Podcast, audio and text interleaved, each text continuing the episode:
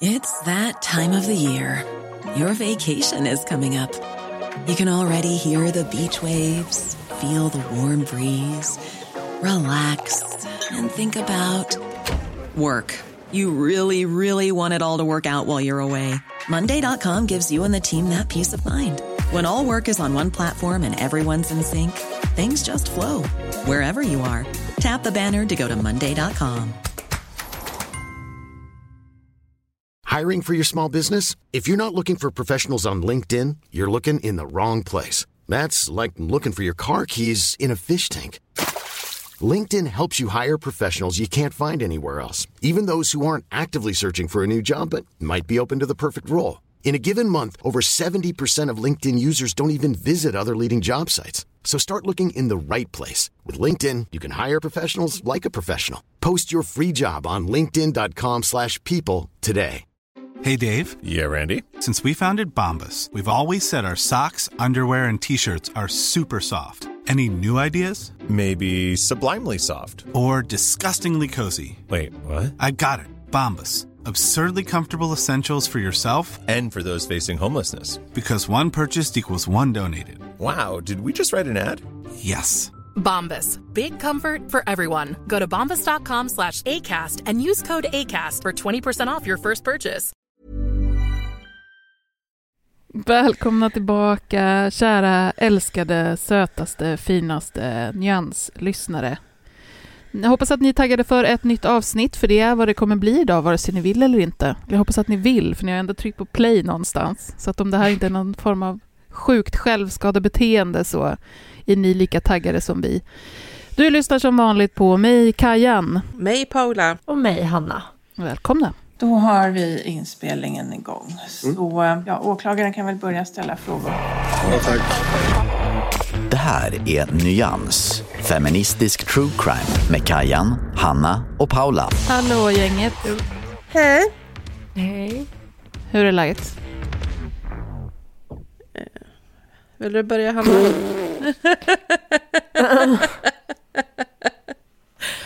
Nej men alltså vad ska man säga? Tomma blickar möter mig i webbkameran. Nej men det är så här, jag har liksom ingenting positivt att säga, jag är bara negativ. Ja. Nej men alltså jag har, ba, jag har bara gnäll i min kropp. Men eh, är det inte skönt att få ut lite gnäll då? Nej men typ inte, alltså det är liksom den här uh, uh, den känslan. Mm. Jag tycker ju hela den här, alltså jobba 40 timmar i veckan, en sån, alltså det är sån bullshit. Ja. Jag, det är alltså hela upplägget med att människor ska jobba 40 timmar i veckan och sen så jag, alltså sen ska man liksom ha ett liv utöver det. Det är väldigt svårt. Nej, så är det. Det är inte mycket eh, liv utöver som får plats. Det är sova. Alltså jag längtar till att få sova varje dag. Det är min bästa tid på dygnet. Ja, ja, gud ja. Alltså jag lägger mig alltid så att jag har en god halvtimme innan, så att, Ja. som jag bara kan ha njutning av vetskapen att nu kommer jag få sova. Ja. Och så tänker jag det här är det bästa i mitt liv. ja. Paula Paulito är du. Det ser alltid så jävla mysigt ut. Du har en Ja. filt över axlarna, du sitter med ett handarbete. Ja, det är för att vi fortfarande kör på kylning i vardagsrummet där jag sitter nu, så nu är det typ 19 grader här inne. Men det börjar snart bli tillräckligt kallt för att vi ska kunna lägga av med det och jag slipper sitta med filt. Det ser gosigt ut. Ja, men det är ganska mysigt. Idag har jag uh, mörk choklad med marsipanfyllning också. Alltså marsipan. Älskar marsipan. Liv. är så gott. Marsipan är så gott. Gud vad härligt, vi har en grej som alla tre älskar. Ja. Har det hänt någon gång förut? Jag tror inte det. Tror. Jo, Nej, på vadå? kickoffen. Vi var väl väldigt överens om uh, Jo, jo. att vilja köpa eh, ost och uh, charkuterier, så försök inte nu. Jag tänkte mer alltså under inspelning, saker vi tar upp och pratar om. ja, ja, okej, sant.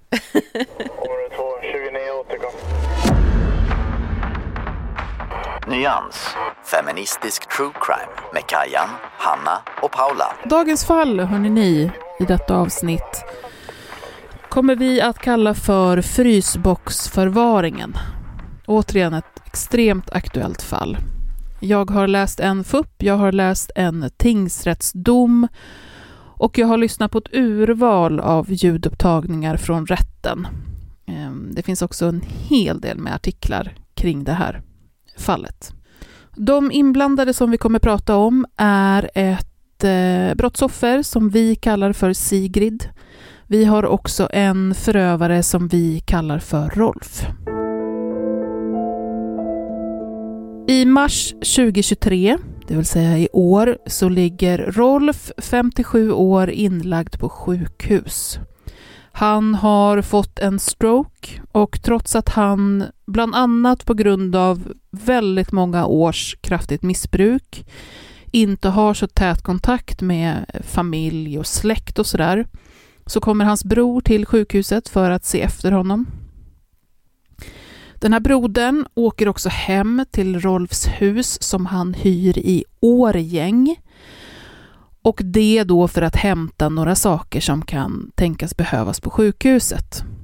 Men hemma i det här huset på landet så ser saker och ting ganska katastrofala ut. Allt är skitigt, det är så stökigt att det är svårt att ta sig in i huset överhuvudtaget. Ingenstans syns heller Rolfs sambo till, den sambo som brodern inte träffat på så många år nu för att hon har varit sjuk och frånvarande. Så brodern känner att det här med i vilket skick som huset är i, det måste han ta upp med Rolf, för så här kan det bara inte se ut. Och det gör han också när han kommer tillbaka till sjukhuset. Men det Rolf ska svara då gör att brodern omgående kontaktar polisen. Rolf säger nämligen att hans sambo, Ingrid, inte bara är död utan också att hon ligger i frysboxen hemma. Polisen tar sig ut till gården. Det är nu alltså den 16 mars i år och de hittar också en frysbox i en av de angränsande byggnaderna till bostadshuset. De öppnar frysboxen och ser mat, olika matförpackningar som inte är konstigt alls att ha i frysen. Men under dem så ligger något annat eh, som det sticker upp lite av. De ser en pläd och under den den nakna kroppen av en kvinna. Det är Sigrid och hon har varit avliden en längre tid. I polisförhör kommer Rolf säga att han antecknat när han hittade Sigrid död i, och han har antecknat det i köksalmanackan som man faktiskt också lyckas hitta i röran i hemmet. Just den almanackan är från 2018 och eh, man ser att det på en dag är eh, kluddat, det är någonting som är överstruket. Med hjälp av en IR-kamera kan man, och den här IR-kameran tar då bort det som är kluddat och man kan bara se skriften bakom. Och med hjälp av den kameran då så kan man på den 12 januari 2018 läsa Sigrid död 1530. Det här gör alltså att Sigrid har legat i frysboxen på gården mellan den 12 januari 2018 och den 16 mars 2023. Det är alltså i över fem år. Vi går tillbaka i tiden en aning. Eh, Rolf och Sigrid de träffas och blir ett par 1996. De är båda norska medborgare och kommer också bo tillsammans i Norge ett tag innan de eh, bestämmer sig för att flytta till Sverige. Rolf och Sigrid missbrukar ordentligt tillsammans. Jag vet att Rolf under rättegångsförhandlingen kom upp i att han har använt narkotika sedan han var 13 år. Och det här ställer till en hel del problem för paret med boende och annat. Och det är bland annat det här som gör att de beslutar sig för att åka över gränsen till Sverige. Och där hittar de en eh, man som bor på landet och eh, han bor på en gård och han hyr ut ett hus. Rolf kommer i förhör uppge att Sigrid blir sjuk 2015 och under 2017-2018 så tycker han att hon blir sämre han säger att de inte åker till vårdcentralen för att söka hjälp, men Sigrid blir tröttare och tröttare. Hon får recept utskrivna som hämtas ut och Rolf uppger att han hjälper till med det här med att hämta ut medicinen. Men att mycket i ärlighetens namn är för att Sigrid missbrukar de här tabletterna. Rolf säger också i förhör att Sigrid hade cancer och Eh, att det är därför som hon är sjuk. Han säger att det också är cancern som gör att han finner henne död i sovrummet i januari 2018. Han går då in i rummet för att titta till henne men hittar henne iskall och utan puls. Under en längre tid har Sigrid, menar Rolf, pratat om hur hon vill begravas. Eller kanske snarare hur hon inte vill begravas. Hon ska upprepat ha sagt att hon, om eller när hon dör, inte vill eh, bli begravd på en kyrkogård. Istället vill hon att Rolf ska lova att begrava henne på gården utan att berätta det för någon. På gården så ligger nämligen den chefer som Sigrid hade så länge och som hon väldigt gärna vill bli begravd bredvid. Rolf lovar också det här, så när han hittar henne död ringer han inte in och anmäler att han hittat henne. Istället går han över till grannen och ber att få låna dennes talja. Han drar Sigrids kropp på ett täcke eh, så att hon inte ska skadas och får genom det ut henne till det angränsande huset. Där har han fäst den här taljan i en krok i taket rakt ovanför den gamla frysboxen som står där. Rolf har nämligen tänkt, eh, vi kommer ihåg att det här är januari, han har nämligen tänkt att han ska begrava Sigrid på gården till våren. Men att han måste förvara henne någonstans fram tills dess. Och eftersom han är rädd för att hon ska börja ruttna och lukta så blir det frysboxen som får vara lösningen. Han berättar att han fäster ett rep eller bälte runt Sigrids nakna midja och börjar att hissa upp henne med taljan. Men när han försiktigt ska sänka ner kroppen i frysboxen så släpper kroken i taket eh, och den lämnar ett hål efter sig. Och Sigrids kropp kommer att dunsa ner med huvudet neråt och ryggen upp. Så hon landar i frysboxen, men ganska bryskt får man säga, och hon landar med huvudet först. I obduktionsprotokollet sen kommer man kunna se att Sigrid har en fraktur på sjätte halskotan och en ur ledvridning mellan sjätte och sjunde kotan. Eh, och de här skadorna spårar man då till att hon har eh, släppts ner i frysboxen. Det finns också gott om frostskador på hennes kropp. Rolf hade inte tänkt att det skulle bli så, säger han. Han hade tänkt att hon skulle ligga på rygg i boxen. Men nu när hon hamnade fel så lyckas han inte ändra på henne. Så hon eh, blir kvar där med ryggen uppåt och Rolf lägger en pläd över kroppen och senare fyller han på med matförpackningar. Syftet med det, säger han inledningsvis, är för att hon inte ska vara så lätt att upptäcka där, om någon skulle komma och titta. Men ju mer han berättar, desto mer kommer det fram att eh, mat hamnar i frysboxen bredvid Sigrids kropp av andra skäl. Han säger att eh, den andra frysen i köket blir full och att han av den anledningen lägger mat hos Sigrid i frysboxen. Han medger även att han har förvarat mat där för att äta och att han också tagit fram och ätit den sen. Han berättar också att det vid några tillfällen har blivit strömavbrott, vid ett tillfälle så lång tid som ett dygn. Så Sigrid är död och Rolf berättar inte för någon.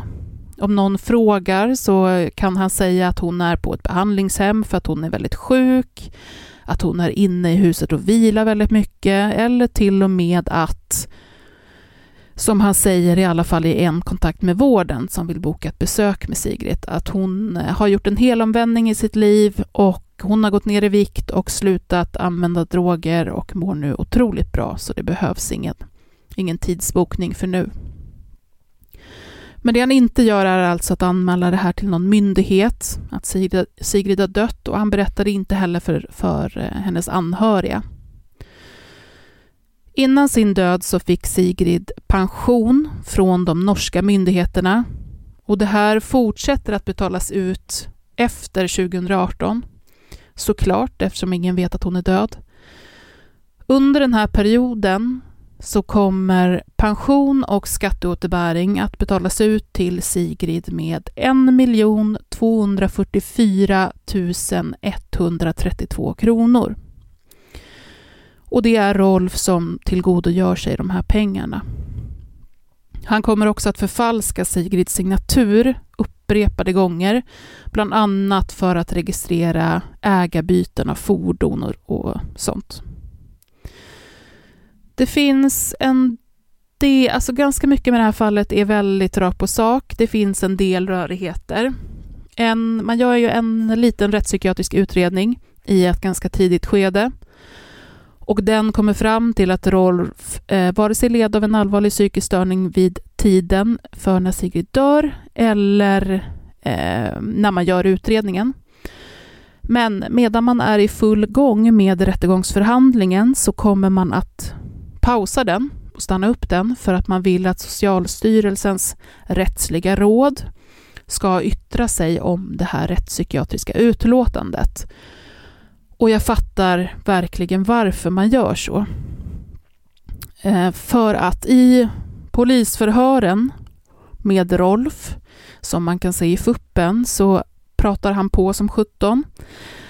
Han säger också att han är skyldig att göra det och berätta för polisen vad det är som har hänt efter allt och också att han tycker att det är väldigt skönt att det här äntligen har kommit fram. Han säger att han hade tänkt att han skulle begrava Sigrid på gården där under våren 2018 men att han fick problem med huvudet. Ja, påfrestningen att ha Sigrids kropp i frysen och dessutom hemlighålla hennes död gör att han känner sig förvirrad. Han hör röster, han ser även Sigrid, tycker han flertalet gånger under något hallucinationsliknande tillstånd. Men han berättar i alla fall till polisen väldigt tydligt och genomgående om hur allt gått till där under huvudförhandlingen eh, låter det däremot väldigt annorlunda. Det var en väldigt speciell upplevelse att lyssna på när åklagaren pratar med Rolf om det här i rätten. Eh, Rolf säger nämligen då att Sigrid inte alls är död. Han säger att hon har dött, men att hon återuppstod på den tredje dagen han säger att de pratar med varandra hela tiden, eh, telepatiskt. Han säger också att åklagaren eh, borde gå och läsa Bibeln istället för att ställa frågor till honom. Han säger att Sigrid är på väg för att hälsa på honom, så att direkt efter att han har suttit där i rätten så ska han gå och träffa henne och hon lever och mår så bra så. Han uppträder på ett sätt som i vart fall är tänkt ska tolkas som uppenbart förvirrat. Um, inte minst då att han pratar om, om Sigrid som att hon lever och han förnekar framförallt helt och hållet att han någonsin skulle ha lagt Sigrid i en frysbox. Då har man ju alltså de här många eh, och ingående polisförhören som man läser upp för honom, men det, det hjälper inte riktigt. Men det rättsliga rådet då, som tittar på den rättspsykiatriska, eh, det rättspsykiatriska utlåtandet, eh, och det här tänker jag vi ska diskutera sen, men de kommer ju helt enkelt att hålla med om det och eh, helt enkelt säga att Rolf inte, vare sig då eller nu, lider av en allvarlig psykisk störning.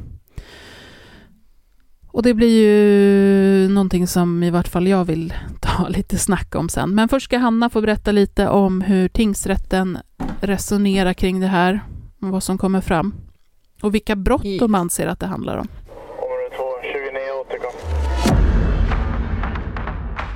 Nyans, feministisk true crime med Kajan, Hanna och Paula. It's that time of the year. Your vacation is coming up. You can already hear the beach waves, feel the warm breeze, relax, and think about work. You really, really want it all to work out while you're away. Monday.com gives you and the team that peace of mind. When all work is on one platform and everyone's in sync, things just flow wherever you are. Tap the banner to go to Monday.com. Hey, it's Ryan Reynolds, and I'm here with Keith, co star of my upcoming film, If, only in theaters, May 17th. Do you want to tell people the big news? All right, I'll do it. Sign up now and you'll get unlimited for $15 a month in six months of Paramount Plus Essential Plan on us. Mintmobile.com slash switch. Upfront payment of $45 equivalent to $15 per month. Unlimited over 40 gigabytes per month. Face lower speeds. Videos at 480p. Active Mint customers by 531.24 get six months of Paramount Plus Essential Plan. Auto renews after six months. Offer ends May 31st, 2024. Separate Paramount Plus registration required. Terms and conditions apply if rated PG.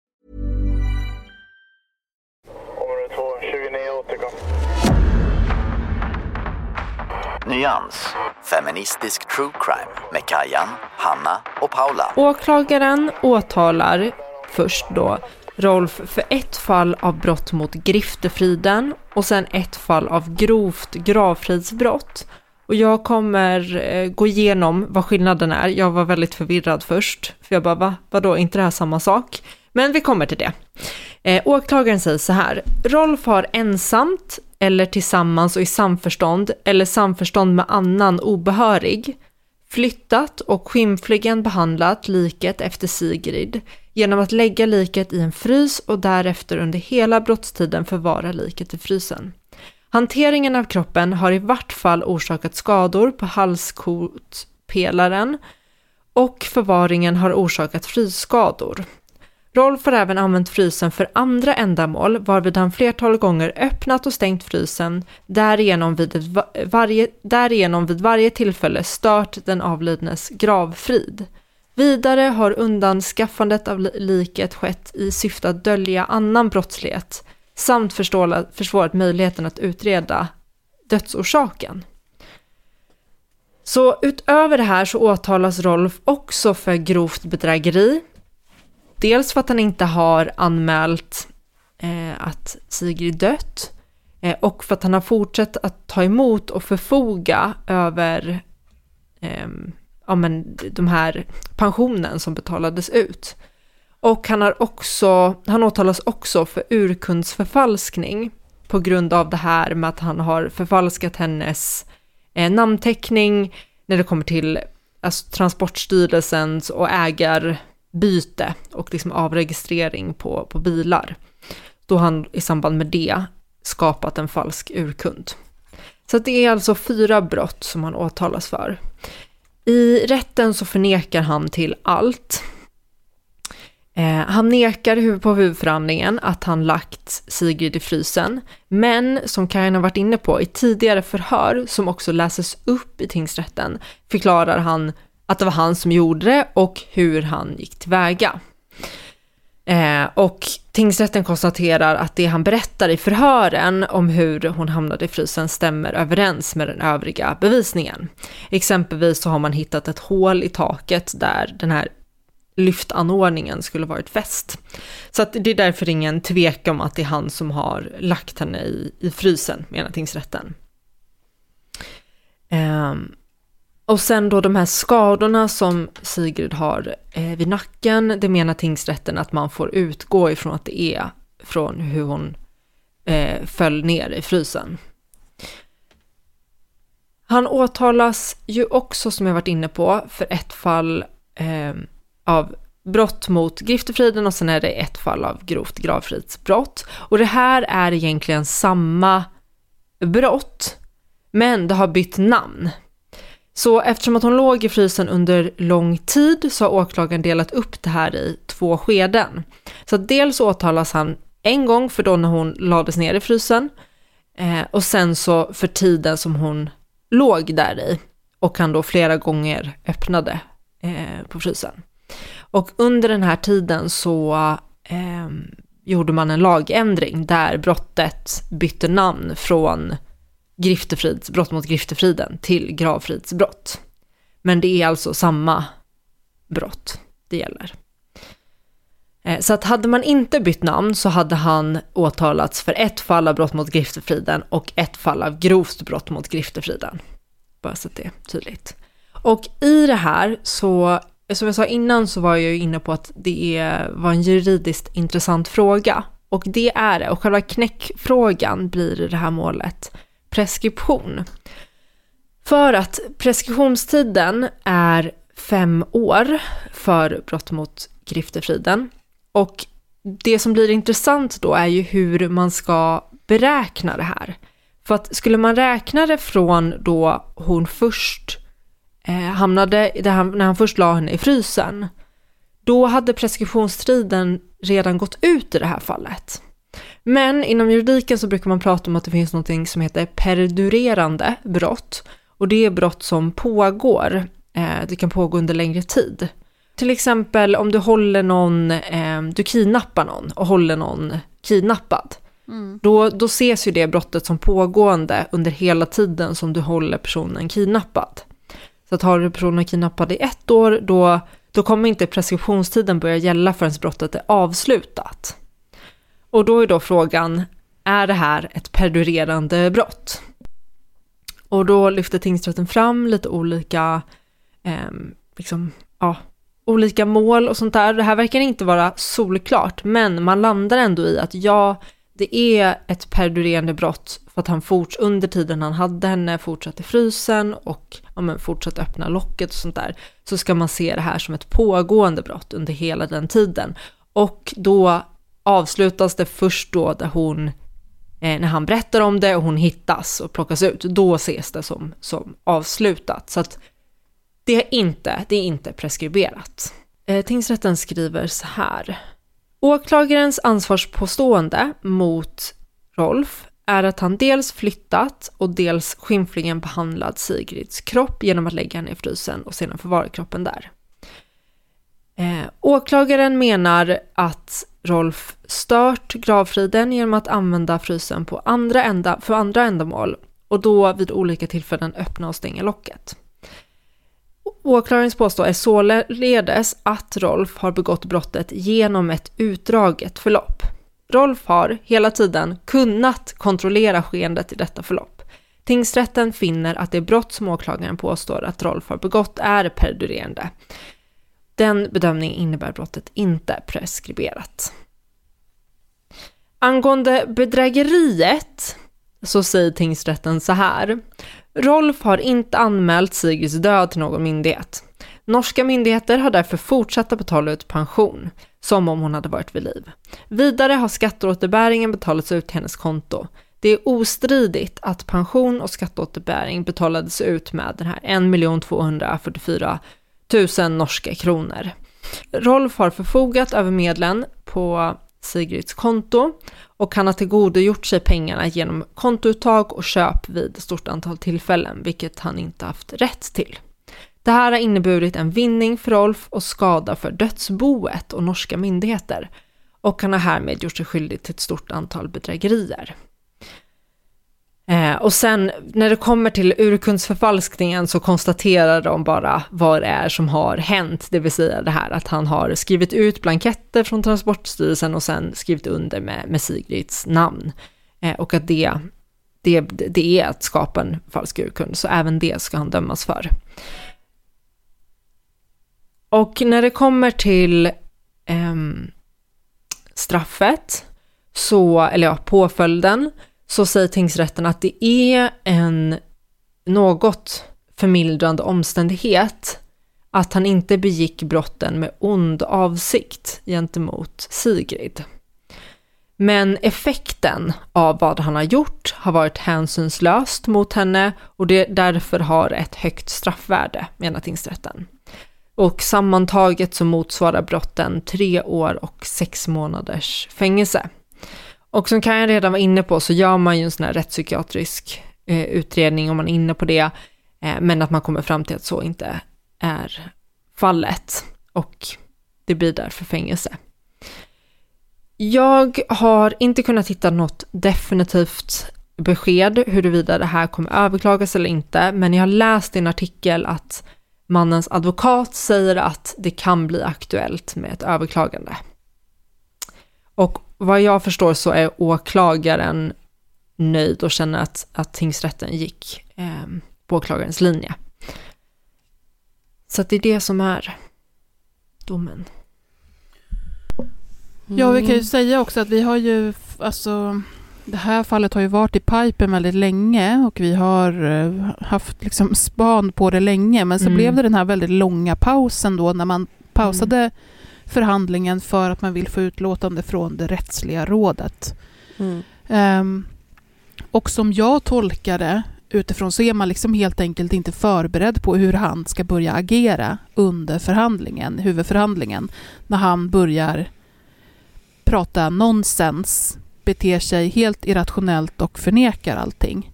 Ehm, jag vet, Ja, nej. jag på en del där jag lyssnar så, så säger, och det har jag inte varit med om förut, att åklagaren liksom, ja, men hon blir ganska ställd och är så här, skulle vi kunna ta en paus en stund? Mm. Eh, Mm. För att de är så här, vad fan, det här kan vi ju inte, vad ska, vad ska vi göra med det här liksom? Eh, för att han beter sig jätteknäppt. Men, men utifrån vad att det rättsliga rådet eh, konfirmerar eh, undersökningen, rättspsykundersökningen som man har gjort, så får man utgå från att de, ja, inte vet jag vad man ska utgå från, det kan ju vara att han har en psykisk sjukdom, men att det inte är så allvarligt, eller att man kommer fram till att det här är, är bluff och båg. Inte vet jag. Ja, så det finns ju de som tror att det, det är mildare att få bedömd rättspsykiatrisk vård Mm. och försöker få det. Nu vet jag inte hur vanligt det är, men att det händer, det gör det ju.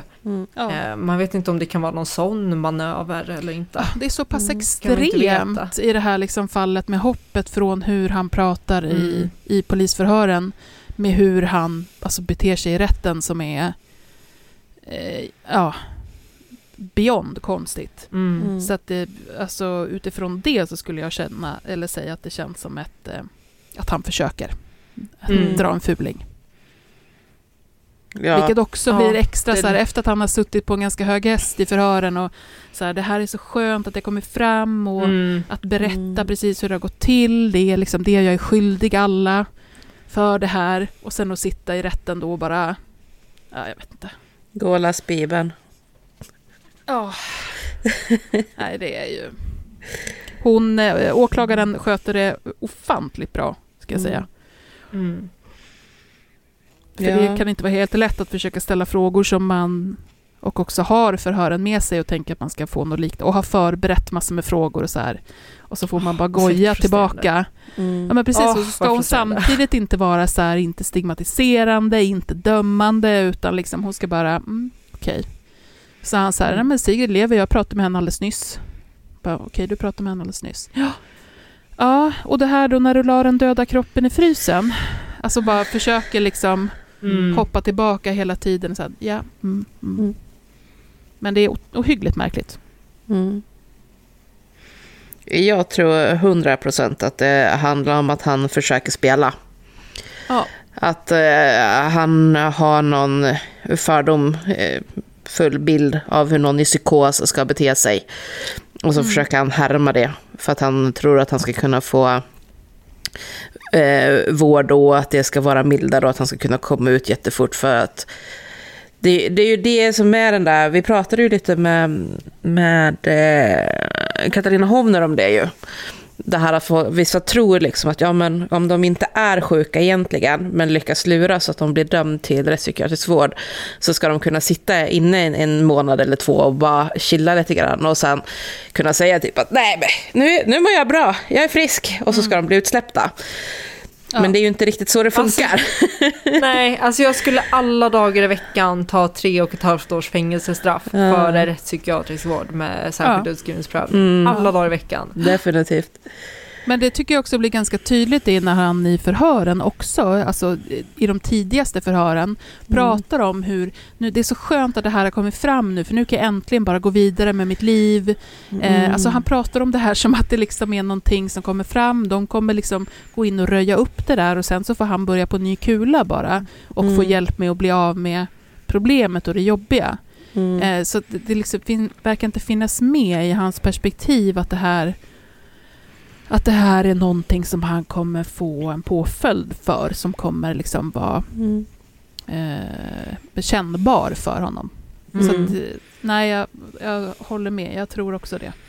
Ja. Nej, men jag tror att han var ganska inställd på att ja, men, eftersom han inte mördade henne, det finns ju ingenting som tyder på ett mord. Eh, mer, mer än då möjligtvis att man skulle kunna säga att men hade det inte varit någonting fuffens inblandat i hennes död så hade han inte hållit henne i en frysbox i fem år. Det är det enda man möjligtvis kan säga liksom kunde, skulle kunna tyda på att det har hänt någonting konstigt. Eh, men, men annars är det liksom, nej det finns ingenting. Och då, och då tänker jag... nej, Alltså, först, Vad skulle du säga? Nej, jag bara skulle säga att först när jag liksom läste nyheterna och sånt där, när jag precis skulle ta mig an fallet, så var jag Mm. väldigt så här, bara, va? Varför, ni va? Varför åt han sig inte för mord? Vad är det här för konstigt? Ja. Eh, Men när man läser det så blir man så här, ah okej, ja men jag fattar. Men För han misstänks ju för mord först, ska vi säga. Det finns ju Mm. med Ja. som en, en misstanke när polisen tar in honom. Men jag såg i en intervju med eh, när man ställer frågor till åklagaren om så här, varför är han inte åtalad för mord? Och då är det så här, nej, men det finns helt enkelt inte bevisning som stödjer det. Nej. Mm. Eh, och så kan det ju se ut att man tar in någon för en misstanke att det här verkar ju... Det är så Ja. många saker som pekar mot det här, men sen när man tittar på det så ser man att det här finns inte bevisning för att hålla, hålla i, i rätten. Nej. Och då ska vi säga att det är ingen som säger att han inte har mördat henne. Det, det är bara att det finns ingenting som tyder på det. Utan mest troligt är det som han säger. Hon har varit sjuk. Men eftersom de båda har varit i aktiva missbruk så har man inte velat gå till vården i onödan. Hon har inte sökt den hjälp hon egentligen hade behövt. Och därmed inte heller fått en behandling hon hade behövt. Och till sist så dör hon av sin sjukdom. Eh, och då stoppar han henne i frysen. Men jag tror att det här med att hon ville bli begravd på gården och så vidare, hela den biten, det tror jag är ganska mycket av en efterhandskonstruktion. Utan jag är ganska säker på att han redan från första början tänkte, när hon dör, att han kan få hennes pengar om han inte berättar att hon är död. Ja. Eh, Så skulle det mycket väl kunna vara. Ja.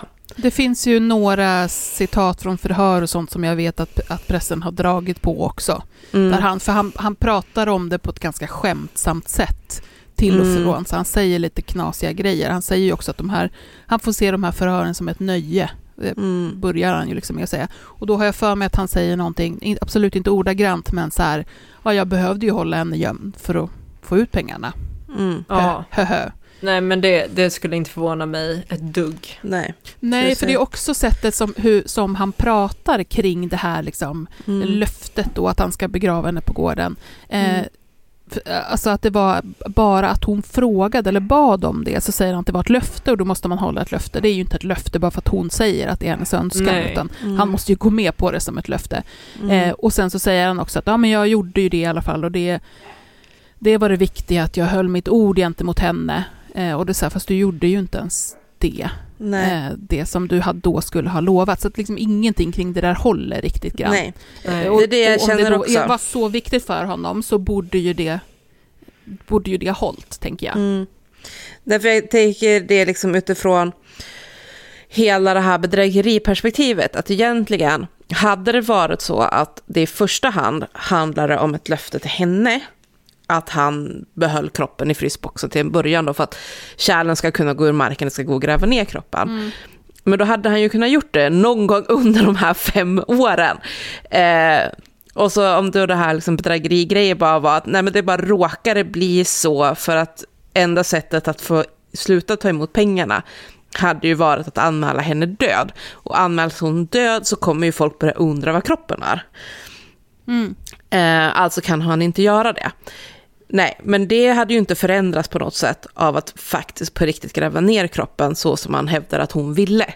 Så det faktum att han inte gör det tyder väldigt mycket på att nej, det där att gräva ner henne som hennes sista önskan i livet, det var inte så jävla viktigt. Pengarna däremot var rätt viktigt. Ja, det var ju inga små summor heller Nej. varje månad. Precis. Ja, nej. Men eh, ja, jag, jag tänker att det kan, liksom verkligen är bra att trycka på det där, att det finns ingenting som tydde på ett mord här. Eh, men, men jag tycker att det verkligen är intressant med hela den här grejen av hur man kan bedöma liksom att ja, nej men det här brottet pågick nog konstant under de här fem åren eftersom gubbfan var där och la mat ovanpå henne som han sen gick och hämtade utav. Ja. Eh, och jag tänker, med tanke på att det finns de som ändå har dömts för gravfridsbrott för att de har varit nere och simmat vid Estonia, så hade det varit jättekonstigt om man inte bedömde det som ett gravfridsbrott varje gång han är och rotar i den här frysboxen Mm. när hon ligger där. Jag ska, ja men precis, jag ska också tillägga att han blir också skadeståndsskyldig för det här beloppet. Mm, just det. Just det. Eh, plus ränta. Mm. Så det, det är... Nej men alltså precis det här att han... eh, Och, och det finns ju som sagt i FUPen och de är ju, eh, det är ju censurerade bilder men man får ju ändå en, en man får en bild av hur det har sett ut i frysboxen, om man säger Mm, så, mm. eh, utan att man har behövt, eh, eller vi, vi har ju liksom inte sett hennes kropp på det sättet. Men, men det är ju, det här är ju en helt vanlig, alltså privatperson-frysbox. Alltså så jävla stora är de inte. Eh, där, där hon har ju liksom ändå, delar av henne har varit så pass ytligt att det har legat liksom i direkt kontakt då med matvaror. Det har varit liksom fryst fettuccine och det har varit falukorv och det liksom. Och där man då också kunde se förstås de olika datumstämplarna på de här matvarorna. Så man ser ju att han har ju varit där och öppnat och stängt och pillat och lagt ner saker och plockat ur. Mm. Alltså många, många, Det är många så gånger. bisarrt. Mm. Ja men det är så bisarrt. Tänk du ska bara, ah, nej, men nu ska jag gå och hämta middag liksom. Och så öppna och kolla på Johan, frysboxen. Alltså det är, det är helt menar, och också att han är så här, fruktansvärt. Det jag tycker är olust, eller allt med det här är ju väldigt olustigt. Det är så, det är inte, men, men det är så olustigt hur han eh, hur han pratar om det här med maten när han får frågor om det. Att först är det så här, ja, nej, men jag la det ju bara där för att, eh, för att ingen skulle upptäcka henne. Ja, och sen nästa steg blir lite grann så här, ja, eh, men jag, och ibland så fick det ju liksom, tänkte jag att jag kunde, fick, ju, fick ju ta någon, något av maten sådär. Kanske att äta, men då mådde jag väldigt, väldigt dåligt. Alltså jag kräktes av det och tyckte att det var så hemskt. Mm. Och så går det över lite till sen till att, ja fast min andra frys blev full. Och då här, jag vet inte om du tyckte att det var så himla jobbigt. Nej, om, om du går liksom nej. från det till att du kräktes för du tyckte det var så förkastligt till att, ja men nu är min vanliga frys full. Så att jag får ju lägga den här falukorven som jag tänkte Mm. äta nästa vecka. Jag får ju lägga den där ute. Mm. Alltså jag tror inte, alltså... Nej, det är bullshit. Alltså jag tycker att det var makabert nog i, eh, i stalking-fallet med hon som hade råttorna i frysen. För Ja. att de skulle kunna göra en, fin begravning eller kremera dem men inte hade råd. Och jag också tänker så här, det här ska vara högt älskade husdjur och så går de i den där frysen för att ta mat hela tiden och så ligger de frysta råttorna där. Det är så, så himla makabert men det här är ju liksom Ja, några är- snäpp uppåt får man ju säga på skalan av makabert. Ja, men också det här med strömavbrotten liksom, som han berättar ut här. Alltså det har varit strömavbrott i upp till ett dygn. Alltså, och då är det just det här med hur... ehm, ja, om man tänker på det som den här kroppen liksom blir utsatt för Mm. så är ju det så vidrigt. Jag bara tänker på liksom hennes anhöriga. Mm. Och ve- veta att det här är det som har pågått under så här lång tid och de har inte vetat någonting. Mm. För att de inte fått höra något. Mm. Alltså så vi, det är svårt att behandla en kropp på ett mer nonchalant sätt på något sätt. Mm. Eh, Jag tycker att det, det är liksom en klen tröst i det hela att han inte, så vitt vi vet, mördade henne. Alltså att, nej okej, hon, hon dog av sjukdom. Men, men det faktum att han behandlar hennes kropp så här ändå sen. Det är ju precis lika illa oavsett. Alltså det, det måste ju sk- kännas så jävla vidrigt att få veta det sen i efterhand. Liksom vad, vad han har hållit på med där. Ja. Och ja, kanske det kan ju också vara ett sätt, den här skiten han drar i under rättegångsförhandlingen, kan ju också vara ett sätt att han märker hur, eftersom att mediebevakningen varit så stor kring det här och han märker hur, hur människor ser på det här och ser på honom. Mm. Så att det här att han pratar om att nej, men hon lever och jag pratar med henne varje dag och vi är så lyckliga, allt har varit perfekt. Att det Mm. blir något sätt att han ska försöka återupprätta något. Någon slags heder eller någon liksom Mm. syn på honom som så här, nej, men han älskade henne så högt, det blev bara väldigt tokigt i hans hjärna. Mm. Ja. Ja, men det, jag tror ju att det är ett sätt att inte behöva ta ansvar. Alltså, det, det var någon som kommenterade på, på vår Patreon kring det här med eh, eh, mordet på Madeleine i Långshyttan. Mm. Vad, vad som händer, alltså hur bränder, vad man ska säga, hjärnan kan bli när man har varit i ett långvarigt missbruk. Och hur liksom saker som för människor utanför, som verkligen framstår som otroligt, otroligt märkligt eller verkligen liksom helt off, att så här kan man inte hålla på, grej. Mm. Ändå liksom i den typen av bränd hjärna är verkligen så här, att nej, men det är det enda rimliga. Det är fullständigt naturligt, för de finns någon form av logik någonstans. Och där kan jag tänka mig någonstans med honom, liksom att i det stadie han var när hon dog, så var det här för honom fullständigt rimligt. Det var liksom mm. att, ja men kroppen blir bevarad, den kommer inte ruttna. På sitt sätt så tar han hand om henne, samtidigt får han pengarna och de behöver han. Eh, så att han säkert såg det på något sätt som ett win-win eh, för alla inblandade. Mm. Och sen när han faktiskt åker fast, får sitta i häkte, blir avgiftad eh, och så vidare. Och få se hur omgivningen reagerar. Märka av liksom att nej folk tycker inte att det här var lite småtokigt. Nej. Eller gulligt. Eller hoppsan hejsan som det råkade bli. Utan mm. folk tycker faktiskt att det här är en avskyvärd handling. Då måste han ju hitta på någon form av efterhandskonstruktion till varför det har blivit så här. För att ta lite udden av att folk är jättearga, jätteupprörda. Ehm, mm. och, och så på, om han på det då tänker att det skulle vara lättare att sitta i rättspsykiatrisk vård till exempel. Och då faller det sig ganska naturligt att börja spela psykotisk eller liksom eh, i någon form av total förvirring. Mm. Eh, för, ja, dels för att försöka få det han kanske ser som ett mildare straff. Dels för att ta udden ifrån eh, de som nu är arga på honom. Liksom att jag kunde inte rå för det. Jag var virrig. Det var inte meningen. Ja. Nej, och det blir ju en, en lätt out för honom. Jag menar, det är klart att det inte är lätt att sitta i en huvudförhandling med alltså alla hennes anhöriga som sitter där, också hans anhöriga, som mm. sitter där och får höra vad han har gjort, vet vad han har gjort, det läses upp vad han har berättat i polisförhören och så vidare. Det får, det får inte den reaktionen som han tänkte sig och det är klart att du, alltså duckar man den och bara eh, spelar helt borta så mm. behöver han ju inte gå in och ta ansvar för det. Nej. Så det är ju en otroligt alltså, naiv och feg out. Mm.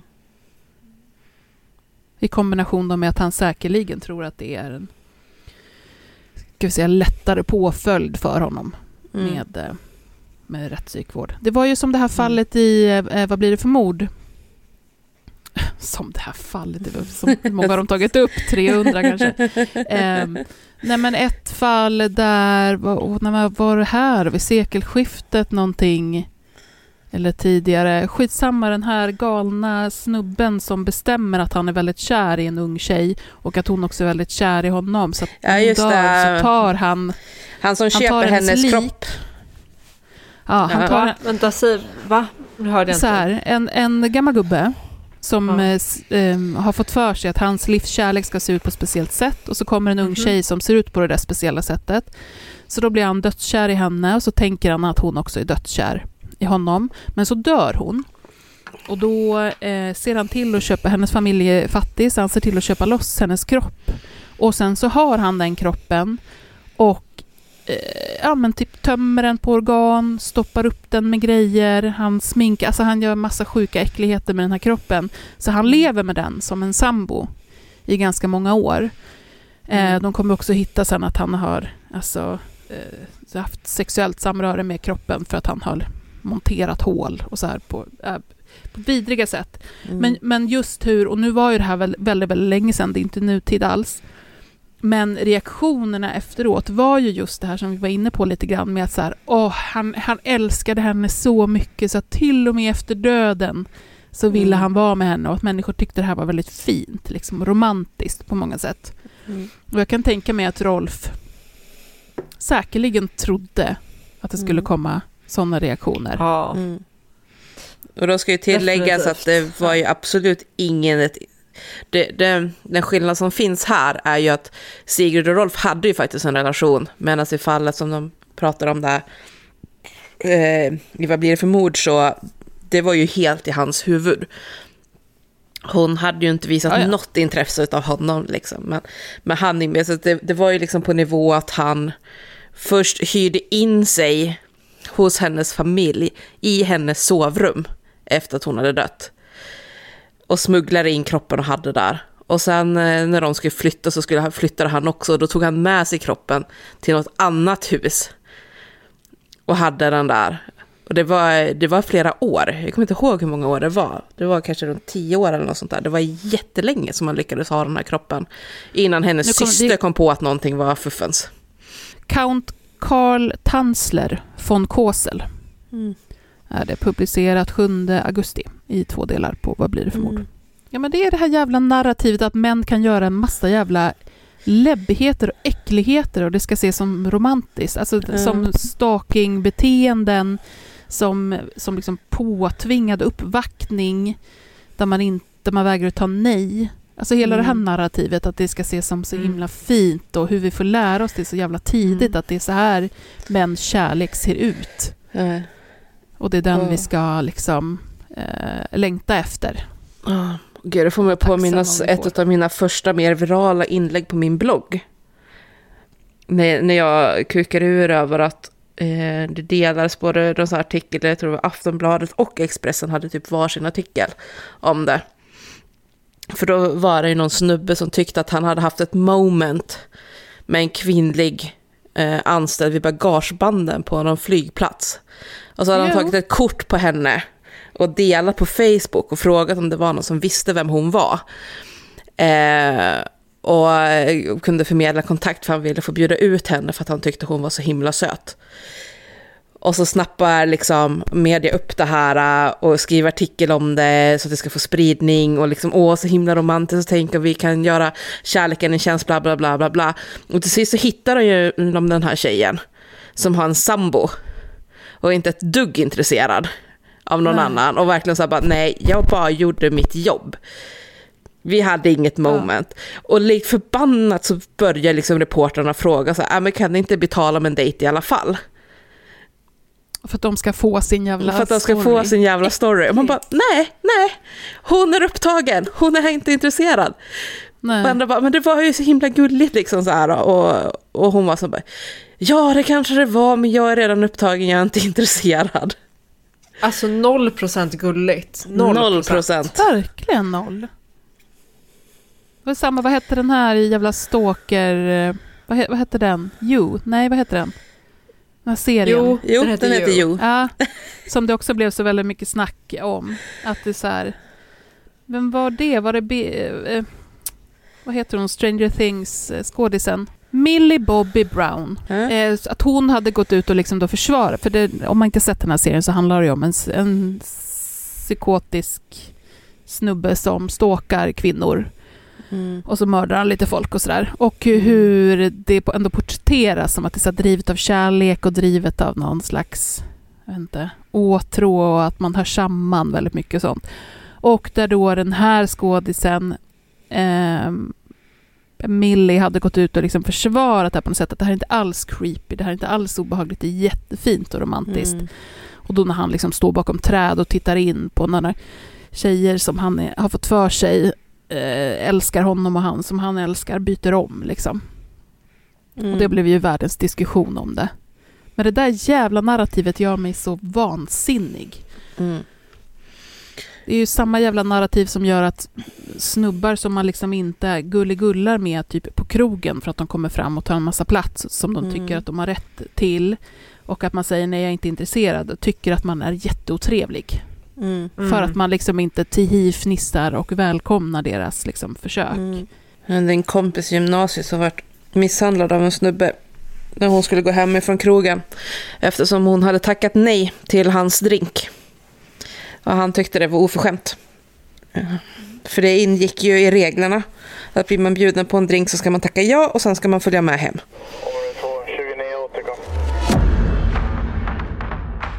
Nyans, feministisk true crime med Kajan, Hanna och Paula. Vi fick skicka till oss från en patron. Nu kommer jag inte ihåg vad hon hette. Det borde jag ha skrivit upp. Nu får jag skämmas. Eh, men du vet vem du var. Eh, en artikel från magasinet Paragraf. Med titeln En bra story men är den sann? Där han skriver om eh, det här med fondbolaget Allra. Kommer ni ihåg det? Oh yes, Nej, jag kommer ihåg det. Det var ju eh, någon ung snubbe vid namn Alexander som startade Allra. Och de gick in med så här fond, eh, pensionsfonder framförallt och handlade med. Och eh, efter några år där de, det liksom bara exploderade, de lyckades jättebra, han köpte någon dyr villa, etc. etc. Så kom det plötsligt en sån här som världens bomb liksom att eh, man menade då på att eh, han skulle ha förskingrat pengar ur de här eh, pensionsfonderna. Och eh, alla som hade Allra som fondbolag vart liksom tvångsförflyttade till andra, eller tvångsförflyttade, man, man fick chansen att flytta liksom, men eh, ens fonder i Allra stängdes ner i alla fall och Allra, eh, heter det? Alltså Blockerades folk typ. jättemycket pengar. Ja. Och eh, 2018 så väcktes då åtal mot fyra personer, bland annat mot den här Alexander. Och då säger man att åtalet rörde grovt mutbrott, bestickningsbrott, grov trolöshet mot huvudman och medhjälp till sådan brottslighet, grovt penninghäleri samt grovt bok- bokföringsbrott. Aj då. Han och de här tre andra, de döms i tingsrätten och de döms sen i hovrätten. Nu har de begärt resningstillstånd eh, och lagt fram en massa ny bevisning och grejer. Eh, så att de skickar in resningsansökan 4 augusti i år.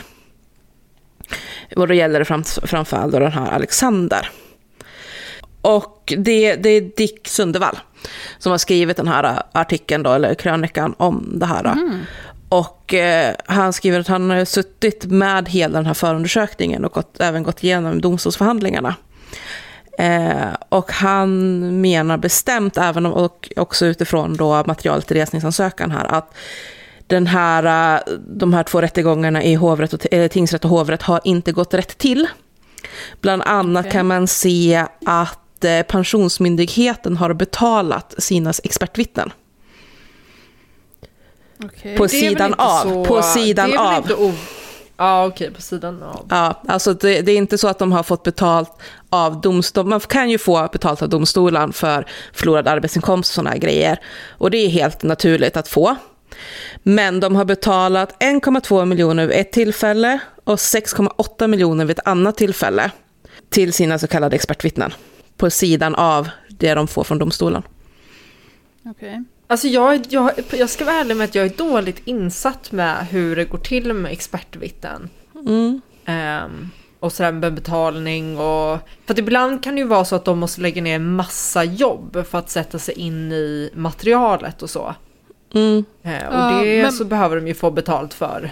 För, och det ska, de ska ju få betalt, men det måste ju vara jättetydligt reglerat. Alltså, och jag tänker att det just är det här på sidan av eh, som, som eh, är big no-no. Att, att det får vara Ja, nej, jag har ingen aning om hur det går till. Nej, men just för att är det saker som liksom sker på, på sidan av, då, alltså hela funktionen med expertvittnen försvinner ju. Mm. Om det liksom finns öppningar för att betala i princip hur mycket pengar som helst. För att naturligtvis så kommer de experterna vara väldigt benägna om att ehm, få den typen av uppdrag eh, där de får mycket pengar och då kommer kunna vara benägna att förändra sina... Ja, så of course, det låter ju rimligt. Men jag bara menar bara att jag har ingen koll på juridiken eller processrätten eller något sånt där Mm. i det här fallet. Hur det ligger till och vad reglerna säger. Nej, alltså det, det som Dick får ut av det här som skulle då kunna förklara de här stora summorna är att det verkar som att Pensionsmyndigheten har begärt eh, utredningar från två olika advokatfirmor. Jag tror att det var två olika i alla fall. Eh, med det uttalade uppdraget att de ska se på vilka sätt Alexander har brytit mot lagen. Eh, med hur Allra opererade. Och sen eh, har då Pensionsmyndigheten tagit de här utredningarna där de då givetvis kommer fram till på något sätt att det här skulle kunna vara lagbrott. Och så har de betalat för eh, utredningarna och använt dem som expertvittnen. Och byggt liksom en del av det här åtalet då mot Alexander på de här expertvittnena. Och de eh, utredningarna som de själva har betalat för.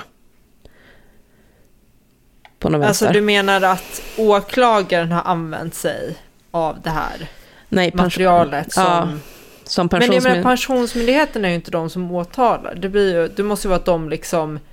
Vad, vad är det för utreder. Pensionsmyndigheten? Vad är deras roll? Det är det som blir förvirrande. är det de... det, pensionsmyndigheten är ju de som har ansvar. De är ju tillsynsmyndighet för pensionsfonderna. Eh, jo, jo, det vet jag. Men jag tänker just att det här blir väl jag tänker just i brottmålet. Ah, jag, menar, det här, det, jag tycker att det här fallet är jätteintressant. Men det är ju mm. super, super avancerat. Ja, men det jag tänker kan vara intressant det är ju om det här faktiskt blir eh, accepterat som resning. Det, det som kommer hända då det är ju att, att eh, hovrätten måste göra om eh, domstolsförhandlingen. Jag tror att han är superskyldig. Mm. Från det jag har läst och liksom lyssnat på om, om fallet så um, mm. tror jag det. Ja, det är det, det som hade varit intressant. Det här hade faktiskt varit intressant fall att göra. För det Dick trycker på, det är ju att det som han har gjort är inte olagligt. Eh, utan det är bara man måste säga, kreativitet inom kapitalismens ramar. Alltså jag tror fan inte på det. Alltså i så fall är ju, jag menar, nu har inte jag det här superfärska minnet, men jag vet att jag bara, att jag har lyssnat på massor, att det finns väldigt mycket eh, bevisning kring att det brott har begåtts. Mm. Om man tittar på, ja jag vet inte, men det, det är intressant. Mm. För det, samtidigt kändes det att, ja å andra sidan, han blev ju ändå dömd, inte en gång, utan två gånger. Ja.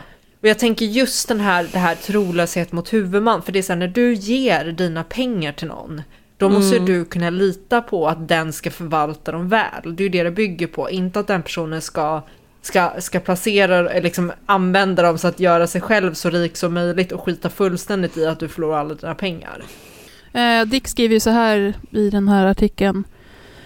Eh, personligen tror jag inte, efter att ha läst igenom alltihop, att det överhuvudtaget hade blivit något åtal och än mindre några rättegångar om det var någon av de etablerade finansfamiljerna som varit verksamma under många årtionden eh, som hade agerat så som Alexander Ernstberger och hans medarbetare hade gjort.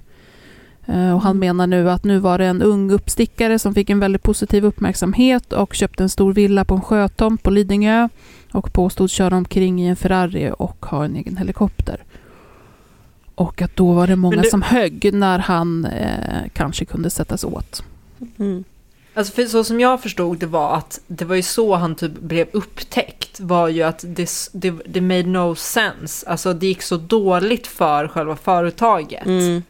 Det gick så otroligt dåligt för företaget och det, made, det liksom gick inte ihop med att han köpte klockor klockor, åkte helikopter och köpte villa för liksom hur mycket pengar som helst. Allt det här. Det gick inte ihop med hur dåligt det gick. Nej, det är det jag har för mig också. Som, så det var då som de här liksom, varningsklockorna började ringa och han började bli utredd. Så här, vad, vad är det som... Mm. Men jag ska säga, jag har inte läst förundersökningen. Nej, så inte jag heller. Resningen så säger de i alla fall att om vi har resning på grund av vittne medvetet har lämnat oriktiga uppgifter, en ny bevisning och på grund av synnerliga skäl. Och när de fördjupar sig i de här grejerna så menar de bland annat att eh, Alexander dömdes för en gärning som inte omfattades av gärningsbeskrivningen. Men Dick har så fint eh, avslutat sin text här med att eh, lägga in en länk till resningsansökan och sen den som även vill ta del av bilagorna kan mejla mig så skickar jag över alltihop. Så att det är väl bara att vi gör det så kan vi ju titta på det. Det Ja. låter jättebra. Eller hur? Jag vill devour det här fallet. Mm. Det här skulle till och med kunna vara någonting som vi kanske skulle faktiskt vilja lägga ett eh, live-inspelningsavsnitt på. Mm. Ja. Det kunde vara Verkligen. kul att bara gå all in på ett, eh, på ett fall. Just eftersom att det är så mycket så spretigt så kunde man liksom gotta Mm. in sig i det. Verkligen. Ta lite olika Men- delar var. Ja, för att få lyssna på våra livepods-avsnitt så behöver du bli Patreon.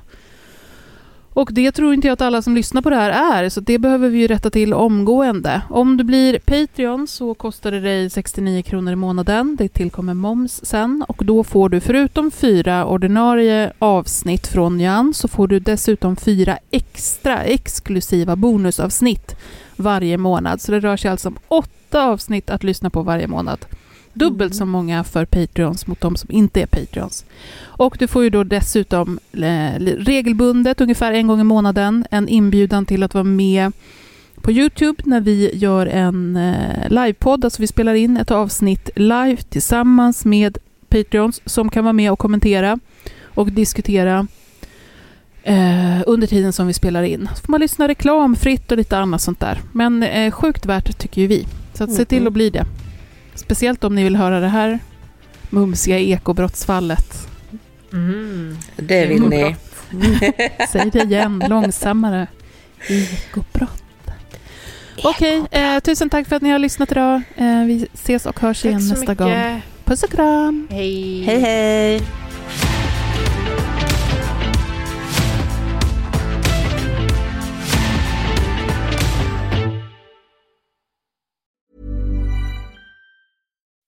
When you make decisions for your company, you look for the no brainers. If you have a lot of mailing to do, stamps.com is the ultimate no brainer. Use the stamps.com mobile app to mail everything you need to keep your business running with up to 89% off USPS and UPS. Make the same no brainer decision as over 1 million other businesses with stamps.com. Use code PROGRAM for a special offer. That's stamps.com code PROGRAM.